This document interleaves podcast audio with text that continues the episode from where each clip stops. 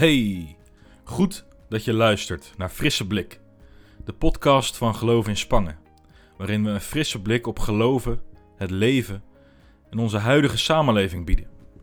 We proberen te ontdekken hoe het verhaal van God, een verhaal van hoop, tweede kansen en nieuw leven ons kan helpen in ons eigen leven, waarin rekeningen betaald moeten worden, collega's niet altijd meewerken ons leven waarin de dingen soms heel goed en soms helemaal niet lukken. Oftewel, een frisse blik op het echte leven. Wie het nieuws een beetje in de gaten houdt, of zijn ogen gewoon open houdt, die heeft het al snel in de gaten. Er is en er gaat nog zoveel niet goed in deze wereld. Een winkel wordt beschoten, een kitesurfer komt door een ongeluk om het leven. Je hoorde de buren boven je weer ruzie maken. Of je maakt je zorgen of je aan het eind van de maand wel uitkomt met je geld. Welke dingen zie jij om je heen die nog niet goed zijn? En hoe zouden die dingen kunnen veranderen, denk je? Wat is daarvoor nodig?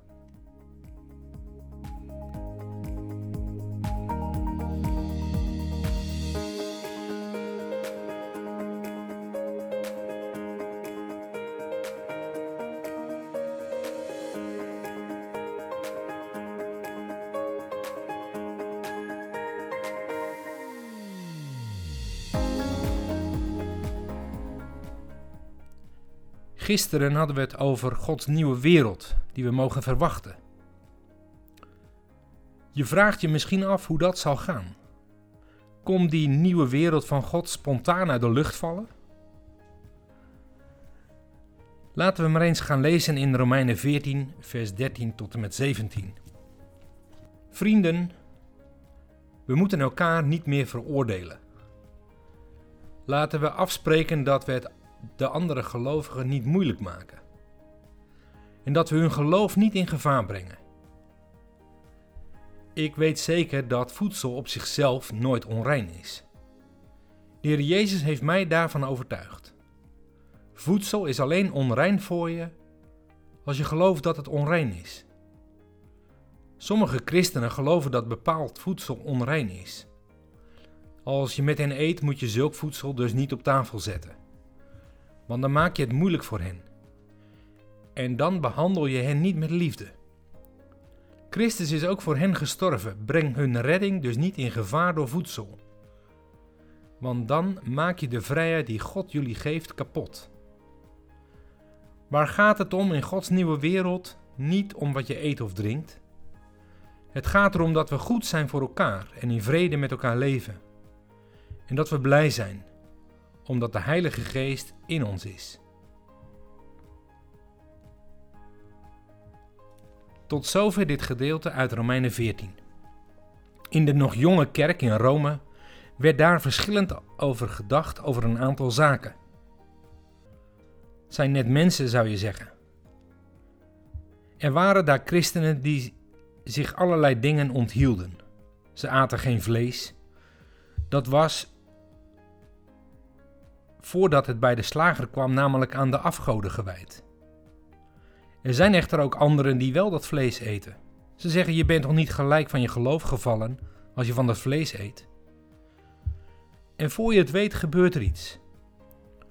Het gebeurde ook in de christelijke gemeente van Rome.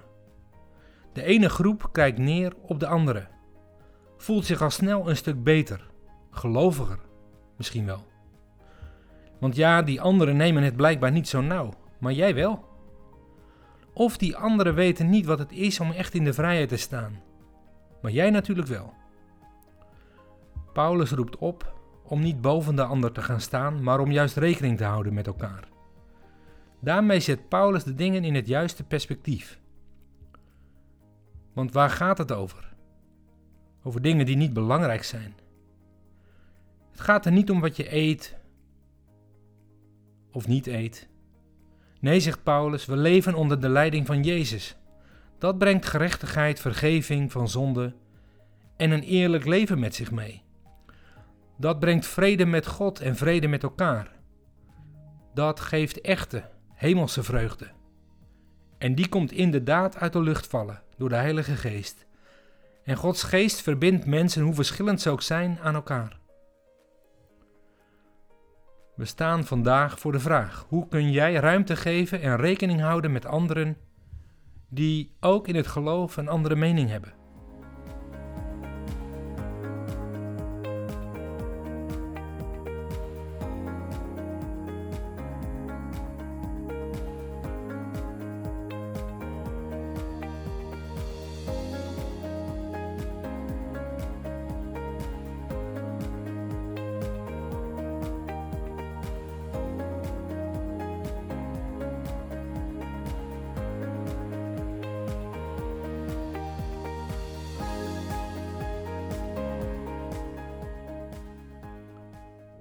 Laten we bidden.